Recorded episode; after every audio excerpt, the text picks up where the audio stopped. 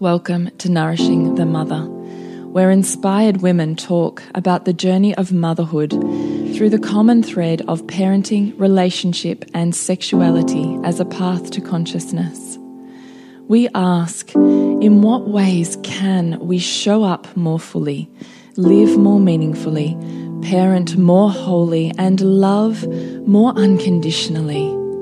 How can we mine the wisdom from the experiences of our lives and expand into those challenges? If you are here, you care about paving a path of conscious and intentional motherhood, connected with yourself and your gifts, and also illuminating your children in theirs, so we may raise more whole humans who can impact this world in a more humane way. And if you feel like giving a little back to this free content, please become a patron of the show and receive extra member benefits for less than a coffee a month. Or you can leave a review on iTunes and Facebook, all of which helps the podcast keep going and reach more mamas who need this type of tonic for the soul. Head on over to patreon.com forward slash NTM podcast to find out more. We are Julie Tenner and Bridget Wood, and we are so grateful you're here.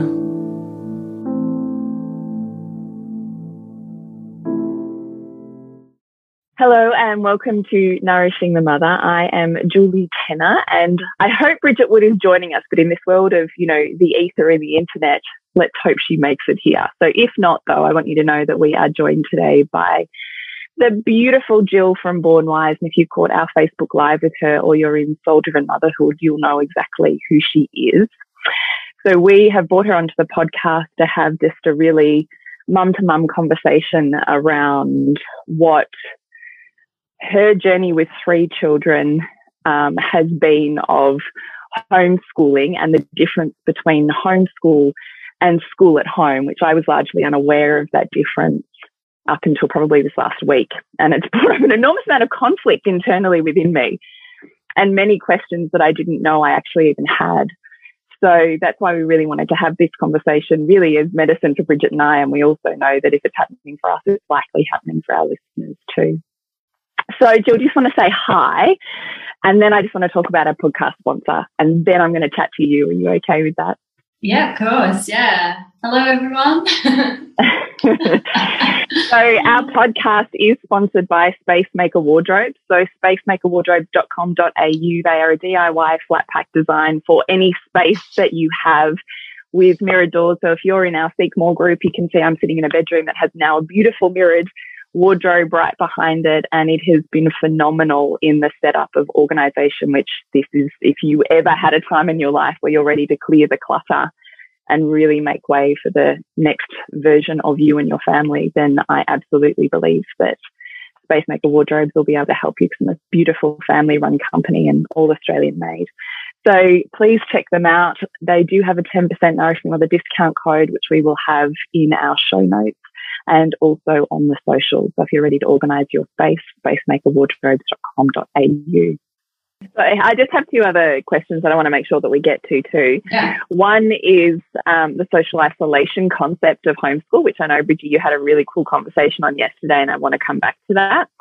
And the other is, which I know Jill, Jill, you and I started before we started recording, was VCE, what that even looks like, how you even get what we call here, a, oh, well, it used to be an ENTER, what do they call it here now? Like the number that you get at the end of ATAR, that you get at the end of year 11 and 12, which then theoretically determines what university course you get into. Now, I realize that this whole structure of university is to some extent becoming obsolete. And will it even be completely obsolete by the time our children arrive? Maybe. But as I'm cast, it's not going to be for my eldest two, maybe for my youngest two, that's mm. a possibility. But for my eldest two, that system will still very much be predominant, I think.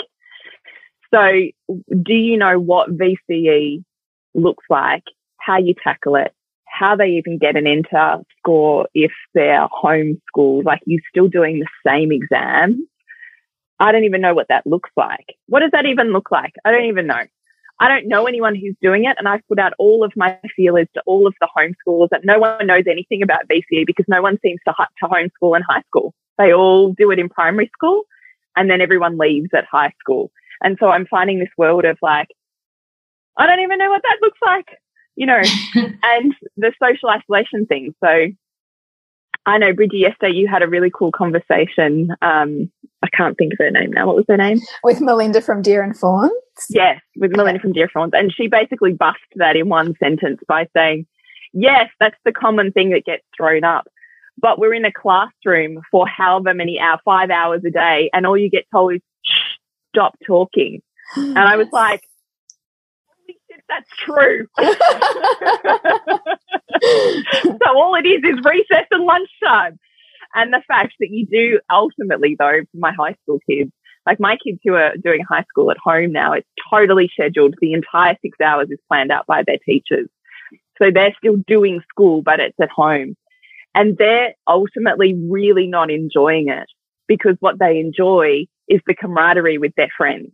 Mm. Yeah.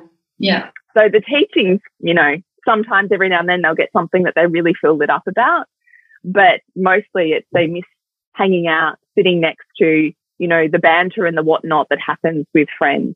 So I don't know. I mean, in primary school, I get it. it the system seems more set up for homeschool. There's loads of, you know, bush kinder and different activity groups and homeschooling groups. But when there's no one around in high school, yes, there's extracurriculars. Yes, we might find experts or pockets of community learning that, um, you know, they might connect with people on, but I don't even know what that looks like. Can you see how my head is in a whirlwind? yeah. yeah. What are your thoughts on the whole thing? Um, yeah, well, I've, I've, always, I'm kind of, again, like just in the same boat. Like the home, the high school thing for me as well, it's different. Like it's out of my comfort zone. Um, I guess my son has lots of mates from his, you know, the local community anyway. So he's still in touch with that. Well, obviously not at the moment because we're all in isolation. But yeah, I see that as a massive thing. Um, I think, yeah, like I feel like that for younger kids that there will be a lot more homeschooled um, high school kids because you just see that that's where the trend's going. Like if we've got, yeah, I think it's grown 65% homeschooling in WA in the last few years. So it, that'll continue, I guess. But yeah, there's a lesser population of high school homeschooled kids. Definitely in WA, we haven't met as many, but I do know of them as well. And they kind of, they just go through all these different avenues to, depending on what their interest is. And if you want to go to high school and if you need to get, I mean, uni and you need to get that ATAR score, like there's courses that you can do and you sit the exams and you just, well, that's our conscious approach right now. That's what we're working on that's what we're doing. So it's just kind of um, applying that intentional teaching as that's what the, the, child's goal is, in my opinion. I've spoken to a few people who have homeschooled, like four or five high school kids, and I think she said three of those had were, were in uni now. The other two weren't. So there's def. I don't actually know the specific courses and the specific streams, but they're there as well and it's just like it's like you have to go digging around to like find these things a little bit. So i kind of enjoy that.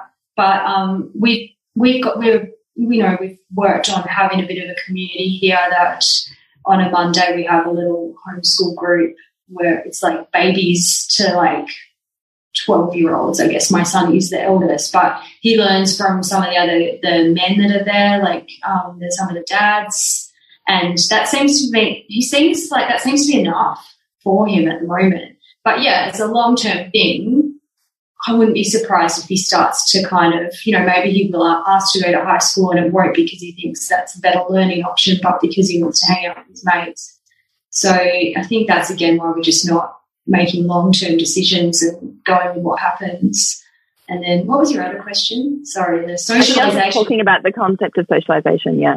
Yeah, I totally agree with um, what was it Melinda. Melinda with Melinda. Yeah, I mean, hundred percent, and that's been like a huge thing for me as well because I used to think that all these social emotional skills skills we were teaching in the classroom, it's really just about um, like yeah, asking people to stop talking and to listen to yeah. you and It sounds it terrible. Like I hate even saying it, but I definitely did that in the classroom. And so a lot of the time you're shutting down the social emotional opportunities. And I also think they do learn from families. Like that's pretty that's full on for us to kind of take that on board of going, well, our kids are learning the social emotional skills ultimately from the ones they see modeled around them. So they watch us talk to our friends, they watch us talk to our husbands and our own parents, you know, and they, they learn so much from that. I think that's what we kind of, yeah, that's what I'm realizing at the mm. moment that it's, and a lot of what they learn at school, social emotional stuff is a lot of it is a bit, um, I don't know, if I've had this thing is like you seem to, there's a lot of disempowerment of other kids in these massive mm. groups where everyone's the same age and then you know, bullying, I, I, don't even really like using that word, but it comes up because I think they're not natural social environments to begin with. They're very contrived.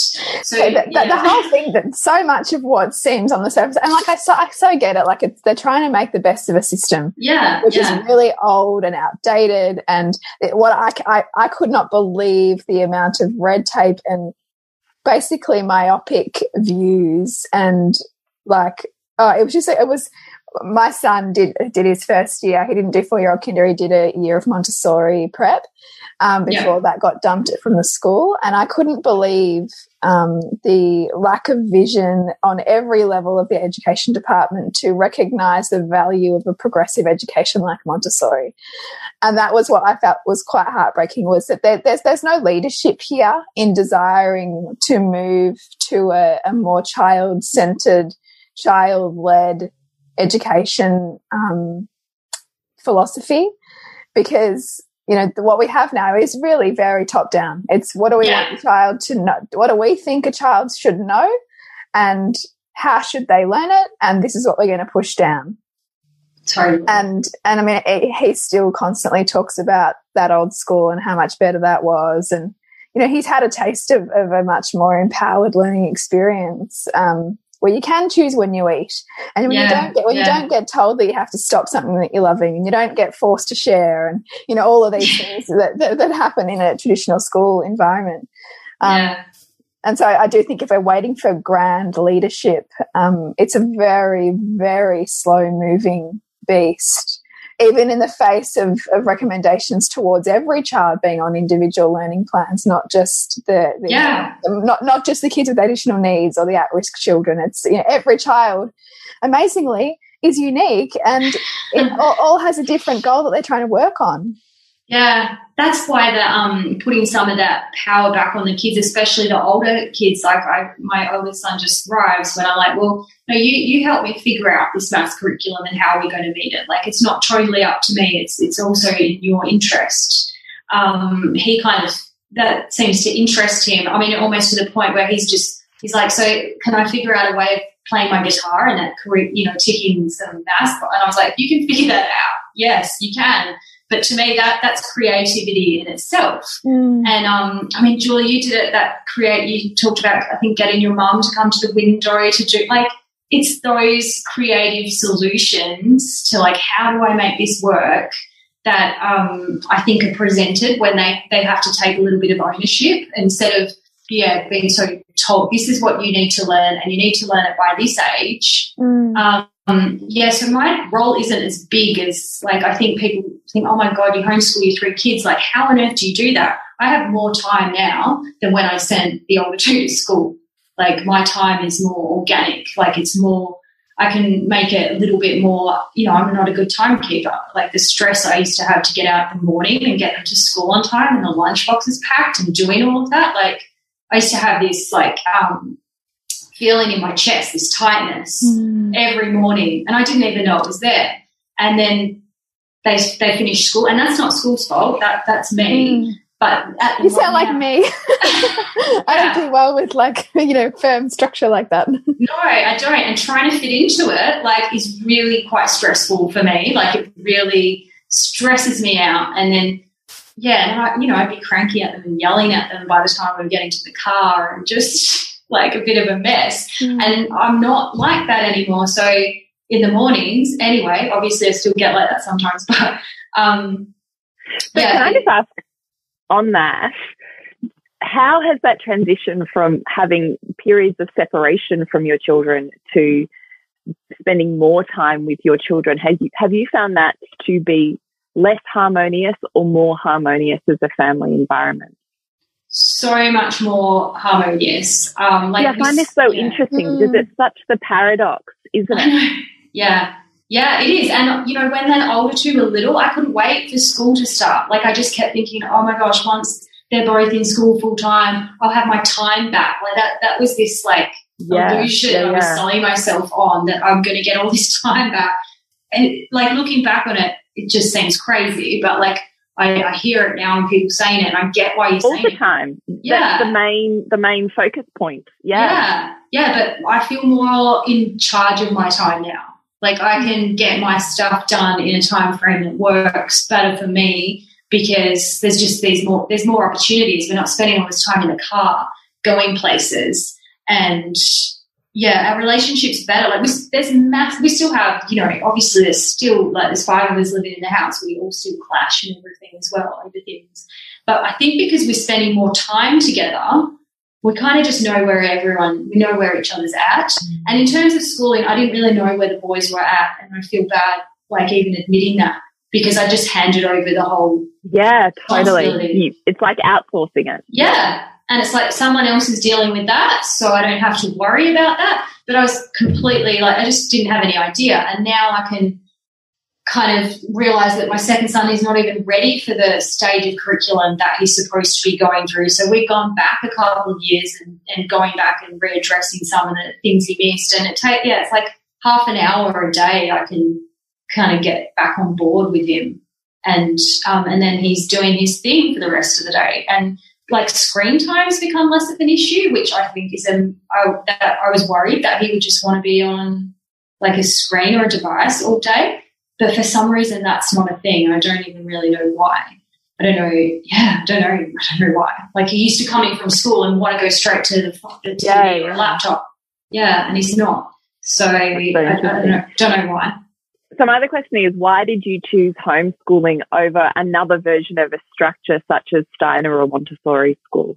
Yeah, well, I worked in those sorts of schools. Like I worked in Reggio-inspired schools, and um, I think I just came to the I think it was my own experience of just seeing awesome philosophies get kind of diluted, diluted, and they kind of drown in in the administration and the structure because a lot of them talk about these natural flows and the you know uniqueness of the child and I felt like I was failing at that a lot of the time in the classroom to like really see some children. At the end of the day, I'd think, oh my gosh, you know, little so and so, what were they doing all day? You know, like I just didn't connect with them.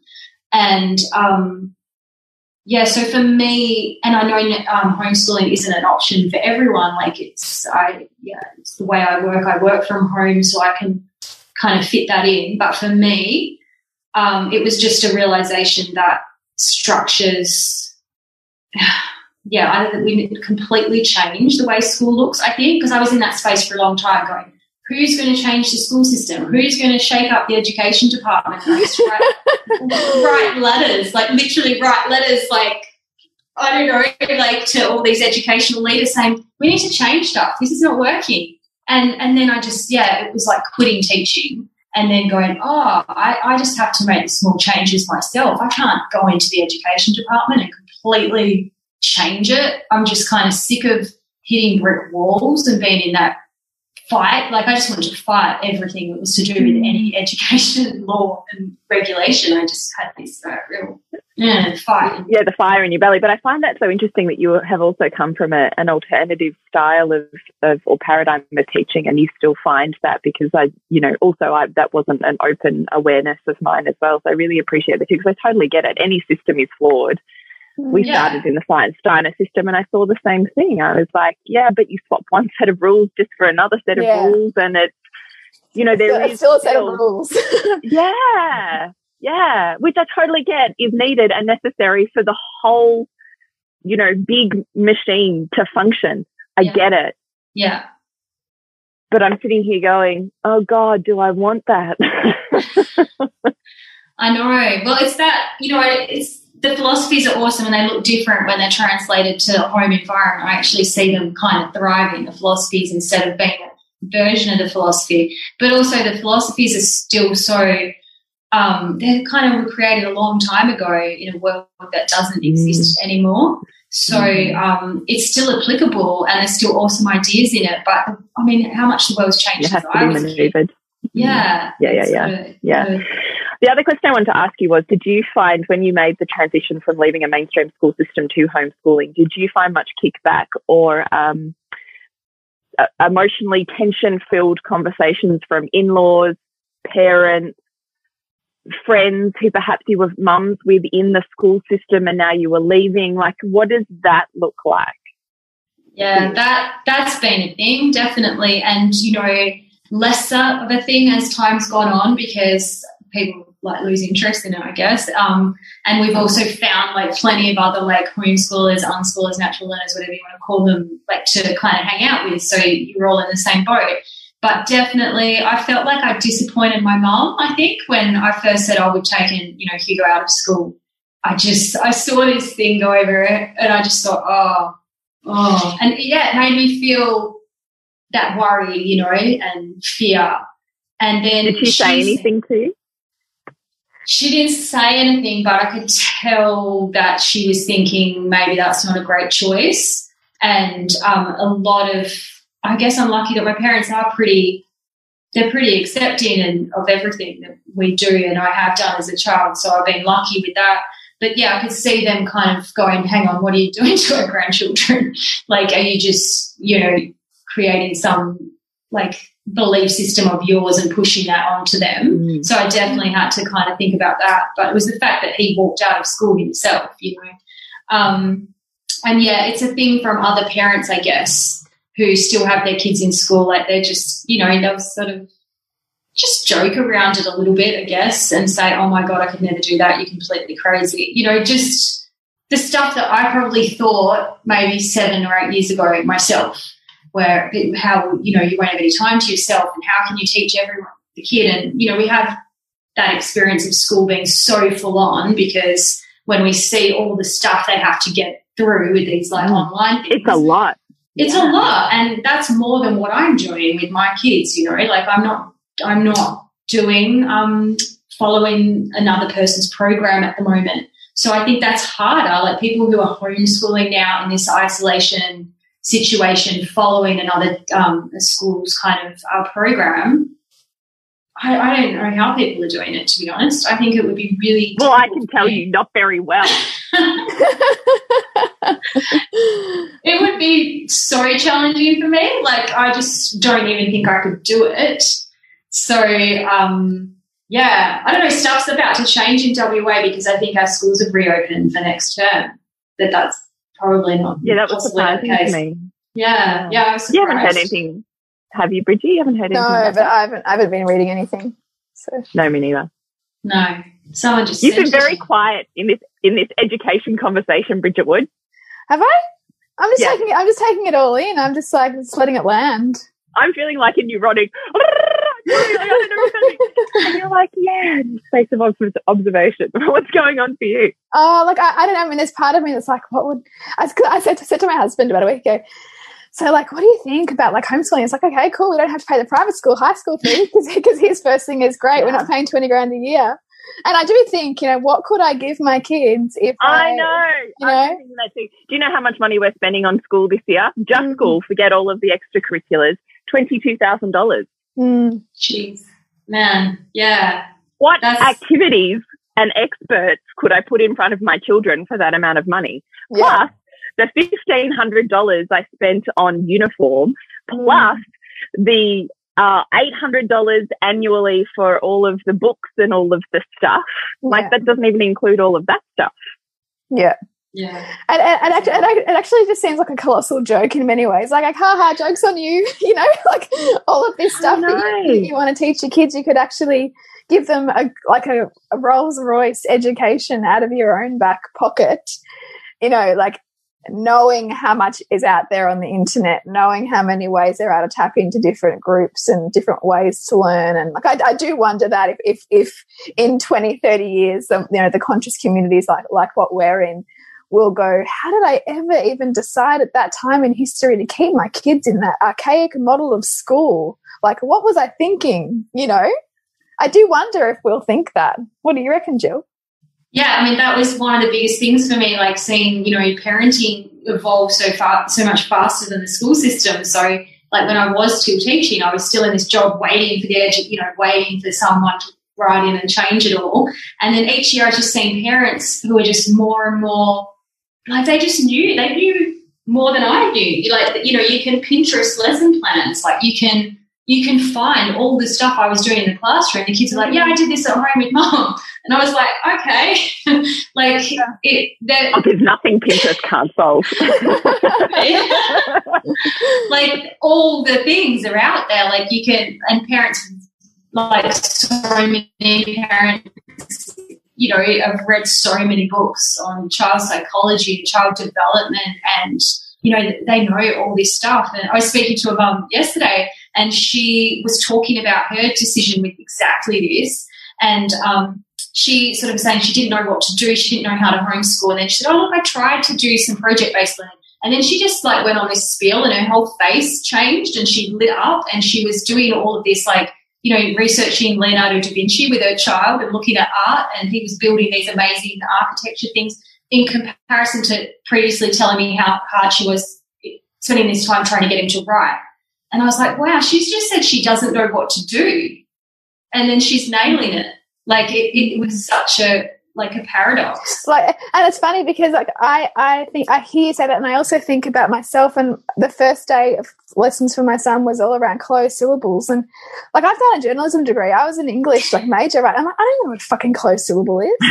well, thank God, because I don't either. and, and I was going, how, how, can I? And, and then, then I'm like, how could I teach this? Like, I don't know what a closed syllable is. I, I don't know. I can't teach him what he needs to know, you know, and like, and that's part of, I think, the resistance that we might fit, find. But at the same time, I can, you know, build a scaffold around him how he could go and research this amazing thing and build a whole project out of it.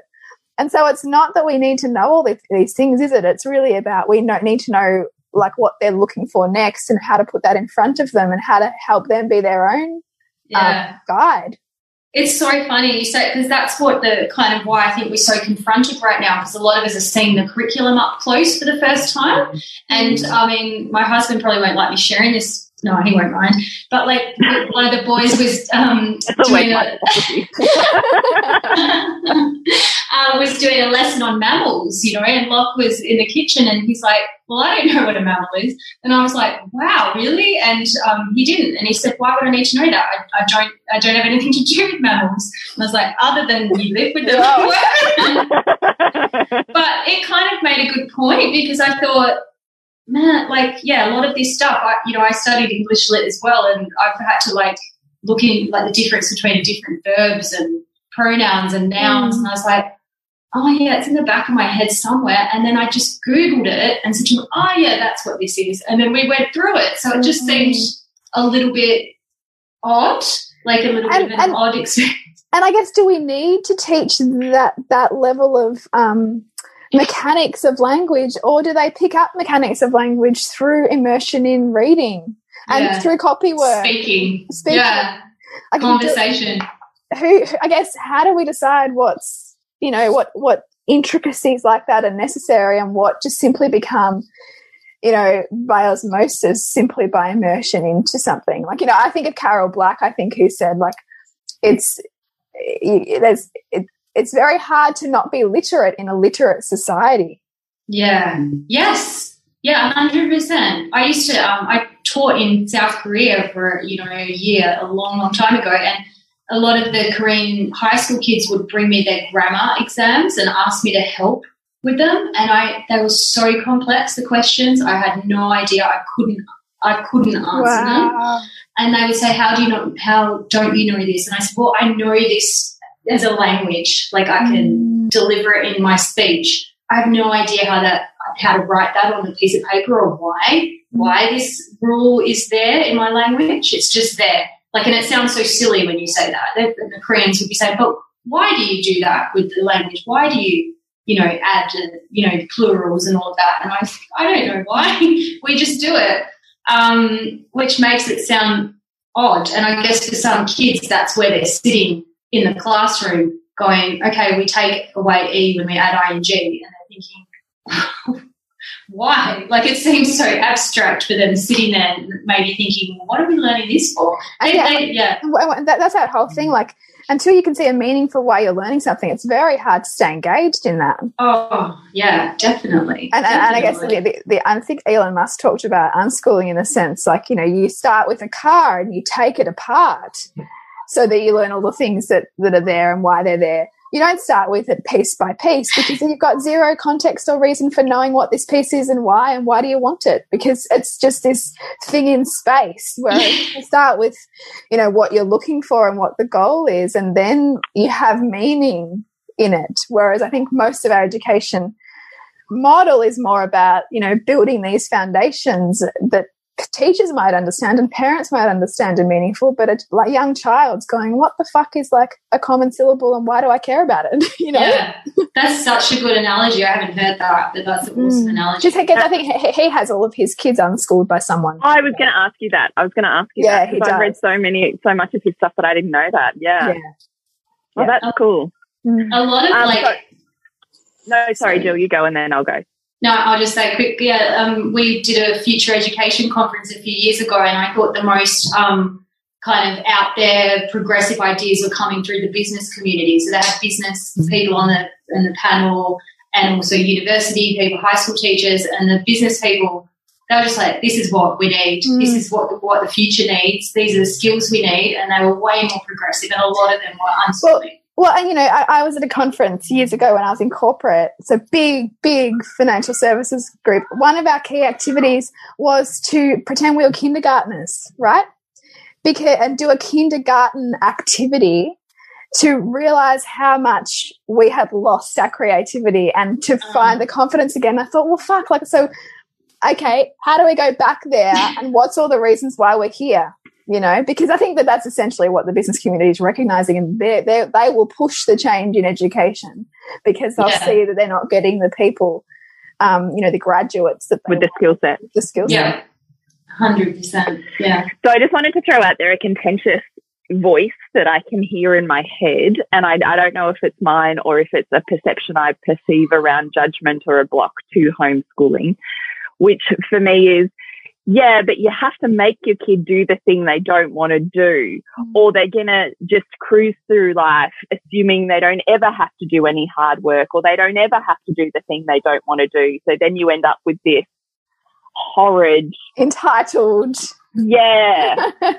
like I even kind of had that conversation with my daughter's teacher when I was having the point with her.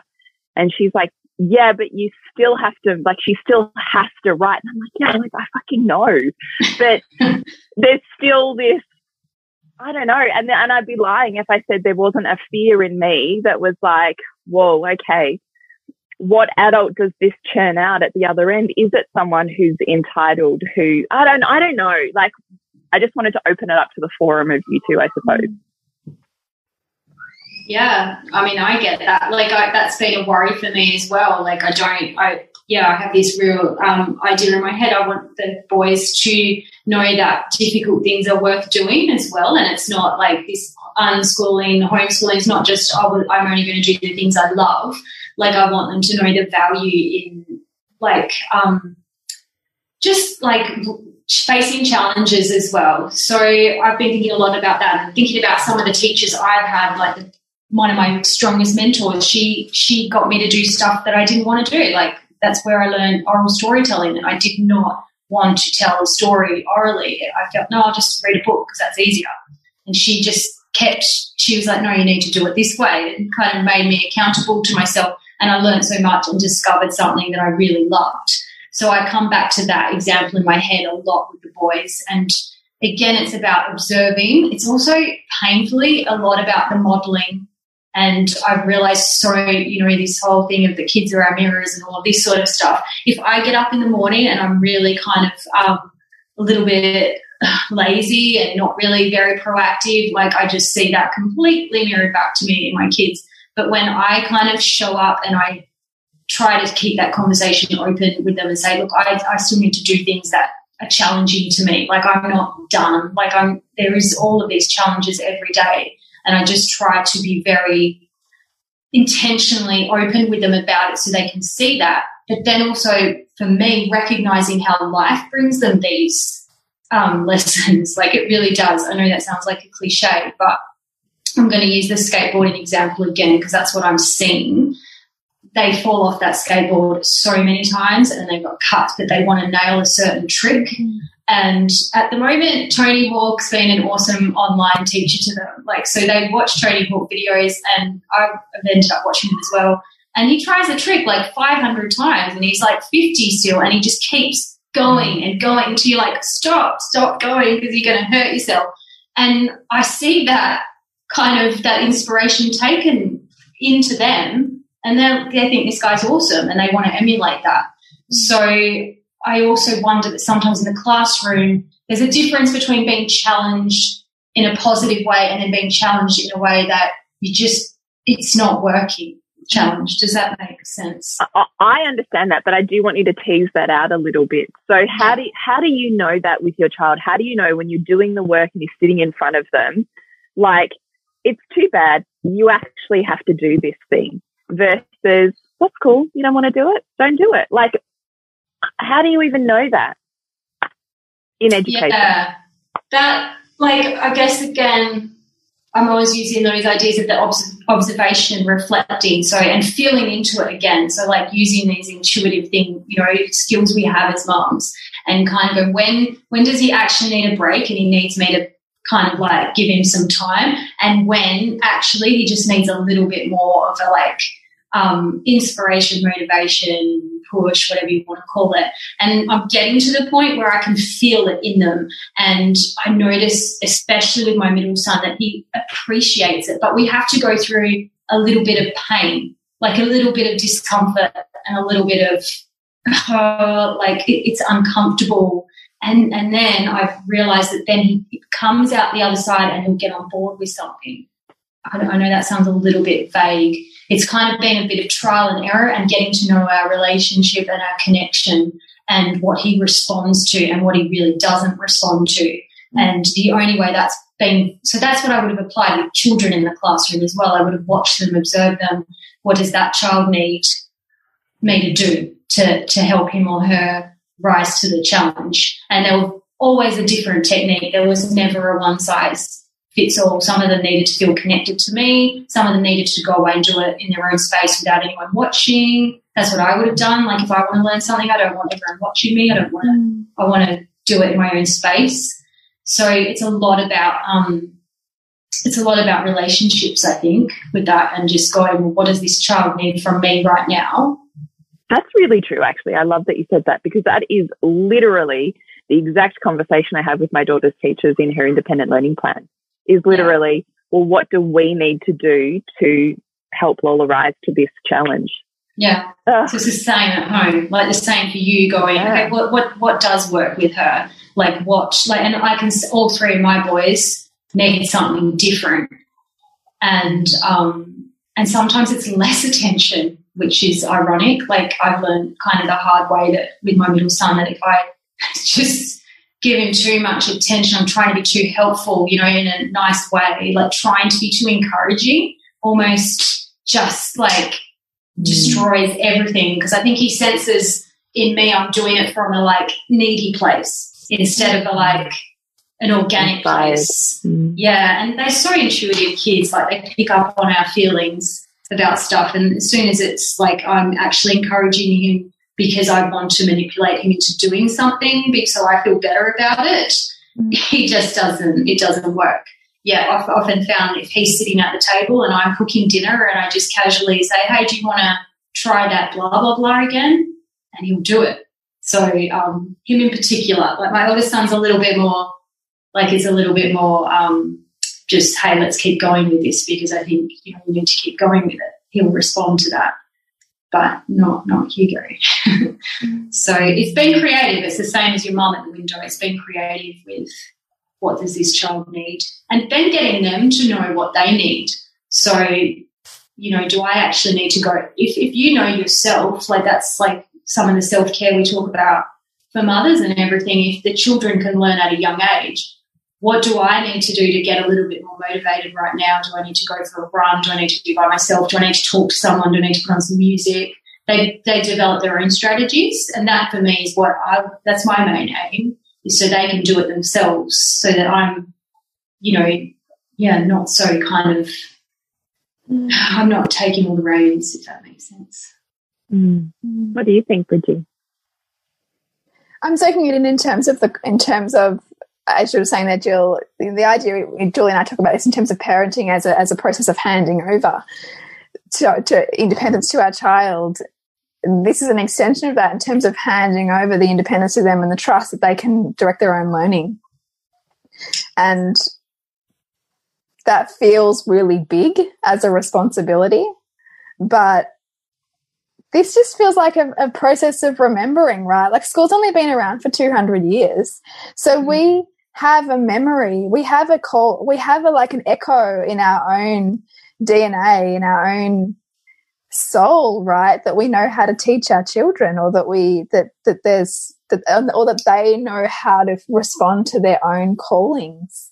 And this whole conversation is, is like a reminder of, of, of yes, like beyond the dominant influence or, you know, I guess mirage of society that we have right now, that there's actually everything we need at our fingertips to do this with our children.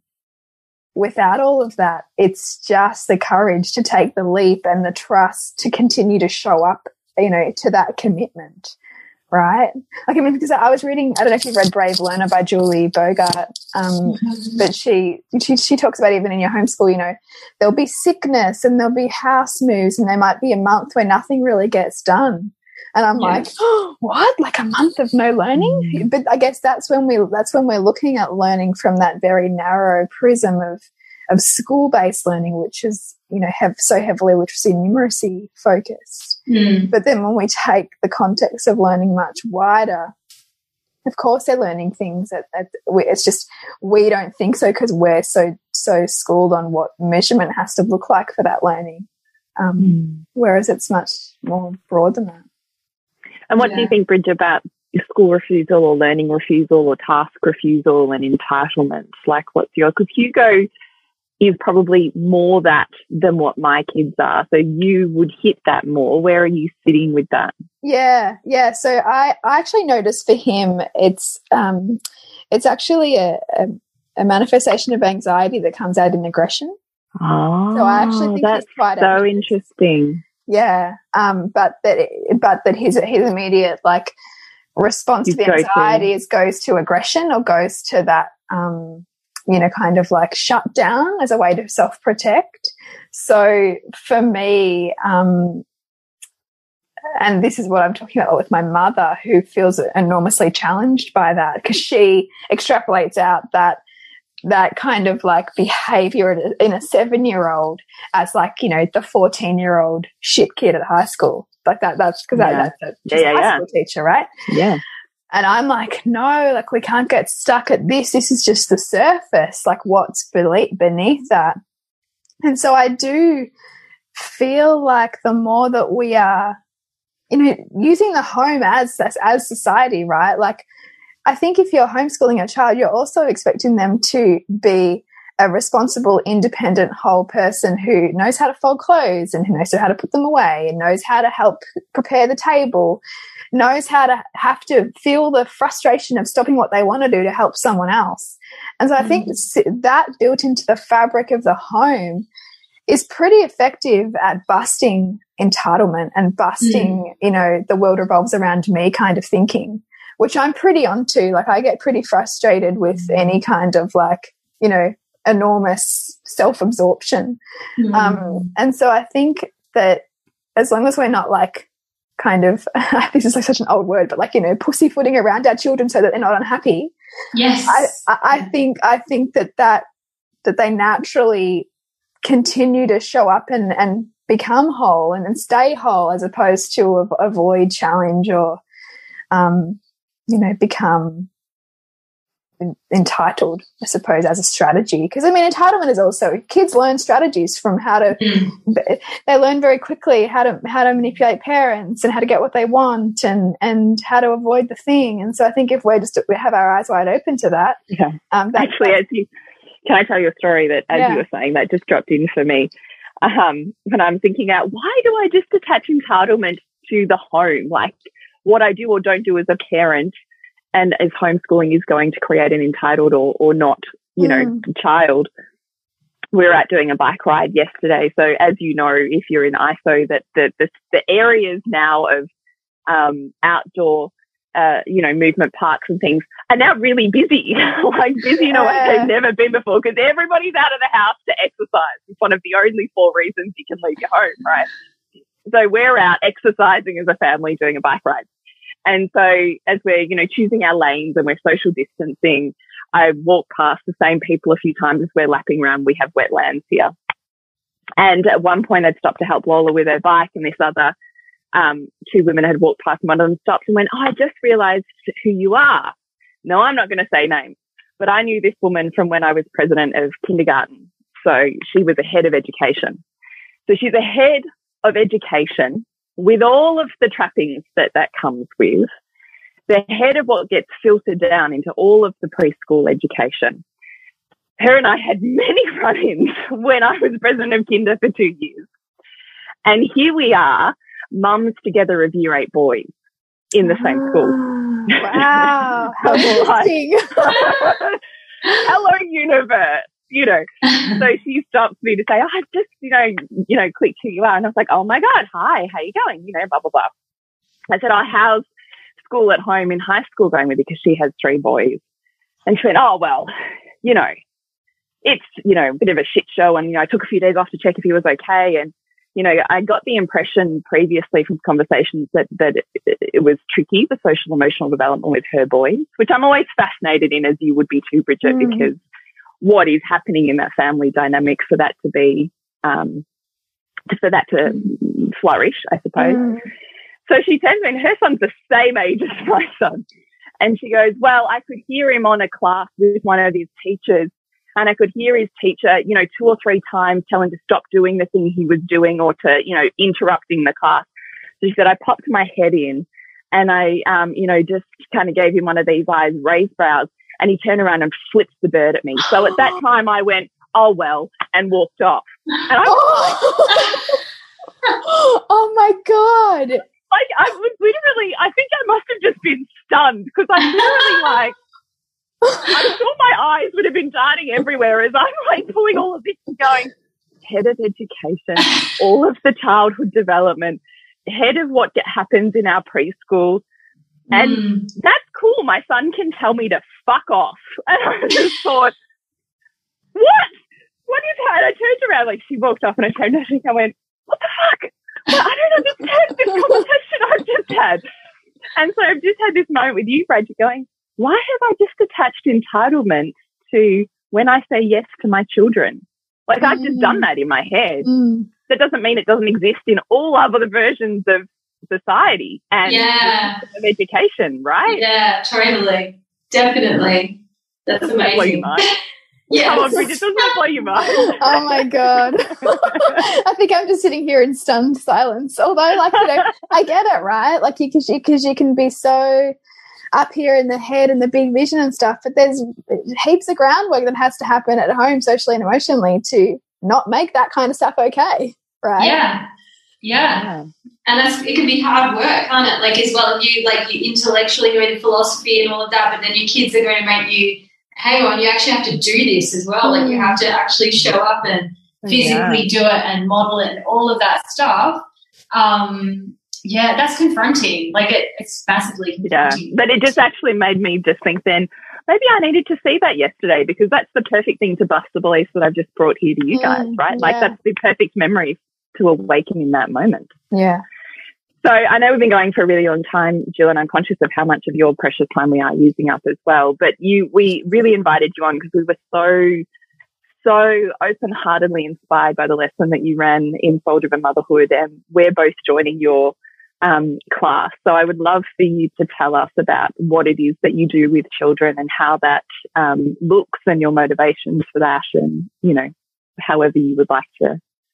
Yeah, thank you. I guess I always. Um, I always take my own intentions and inspiration. So, what am I interested in learning about, like right now? So that's an aspect that I first think of when I want to plan a session for the kids and then um, but then being open in the moment to how do they want to take that and change it. So it's really about um, seeing the, the kids as co-creators on that journey because I've learned that children have awesome ideas and um, that sometimes we just need to like it's just about providing a spark of inspiration. Like I think that's my main idea and intentions for when I do any work with kids now. It's just like, well, I want to explore this with them.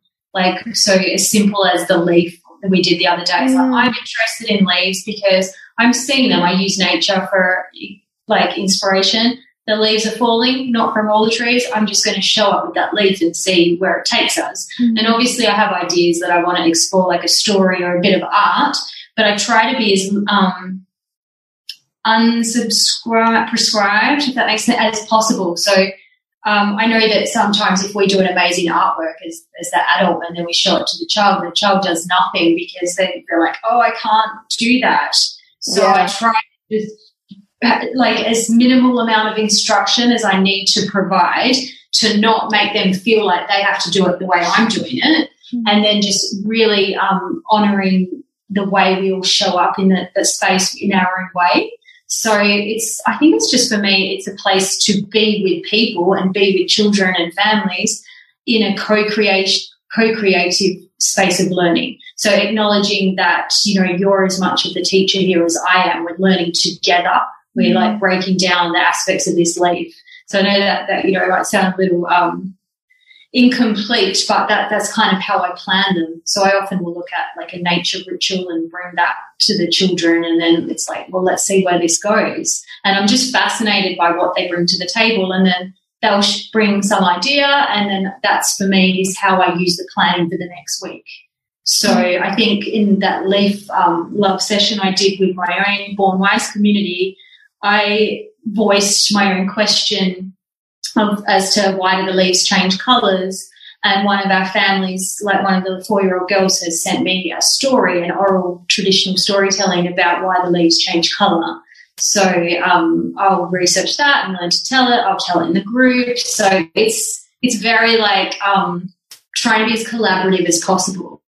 So does that sounds lovely. um, yeah, and then reflection. I think so. I just try to like use those you know, we, we might only have half an hour together in the session, but that's just an anchor. I just hope to provide a little bit of inspiration for the learning and, and then take that and do something that's completely different with it or don't take it at all. Mm. But um, yeah, sow a few seeds in for people's weeks to kind of then navigate their own projects. And it's interesting to, to me to see what the different families do with it. It's kind of fascinating. Mm. I'll get, you know, they'll send photos of, oh, we did this. And I think I could never in a million years have provided that as a learning lesson plan because I just, it didn't, wouldn't have come into my brain. Mm-hmm. So yeah, to me, it's just setting that tone of, of, of, finding teachers and learning everywhere, like literally in the trees, in the weather, in the each other, mm-hmm. um, in our family. Yeah, much. Yeah. It's really cool. So great. So we are going to wrap up, Jill. Is there anything that you would love to leave our listeners with when we're considering um, the tension point between homeschooling versus school at home. Is there anything that you would like to leave anybody with that feels unsaid for you? Um, no, I think it's, I just try to like, um, hopefully alleviate people's stress as much as possible by just reminding them that children are always learning. Humans are always learning. It's always as much as a part of our own growth and development as parents and teachers and education systems as it is about children right now. So we're in a strange situation that we don't really know what the outcomes are, and we don't really. I, I would just try to take each day as it comes and and be experimental. That helps me when I approach it with a curious mind instead of a oh my god, where is this going? just, mm. well, I don't know where it's going. Let's see what happens. That helps me. Mm. so if it helps anyone else, yeah, that's, yeah. and thank you for having me. I really learn a lot from you both as well. So it's really nice to chat. Well, thank you so much. It's been such a rich conversation. We've got so much out of it. So, and I hope our listeners have too, because it's just a, a, treasure trove. So, thank you. Uh, you're welcome. Thank you. So, we're going to do a wrap up. To connect with you, Jill, where do we find you? How do we connect? Um, I've got so Facebook and Instagram at the moment are the main um, areas. I am slowly working on a website, but yeah, Facebook, um, Born Wise School, and Instagram as Born Wise. So I, I you know, can message me there and find out about things. Yeah, and we'll make sure we put all those links in our show notes as we well. Will. And to connect with you, Bridgie, suburbansandcastles.com and you, Jules, thepleasurenutritionist.com. Remember to nourish the woman to rock the family. And we'll see you next week when we continue to peel back the layers on your mothering journey. And if you want to support Nourishing the Mother and all the late nights, the early mornings, the blood, sweat, and tears we pour into our art, then please go to patreon.com forward slash NTM podcast and become our patron. As a patron, you're helping all of the cost of operating this podcast, the hosting, the editing, the transcription, helping all of that be completely covered, and joining a community who are all about honouring our journeys and continuing to open. The more support we have, the longer we can last. So become a patron. We'd love to have you. Go to patreon.com forward slash NTM podcast. We literally couldn't do this without you. Thank you so much for listening, and please share this podcast with anyone you think it would be medicine for.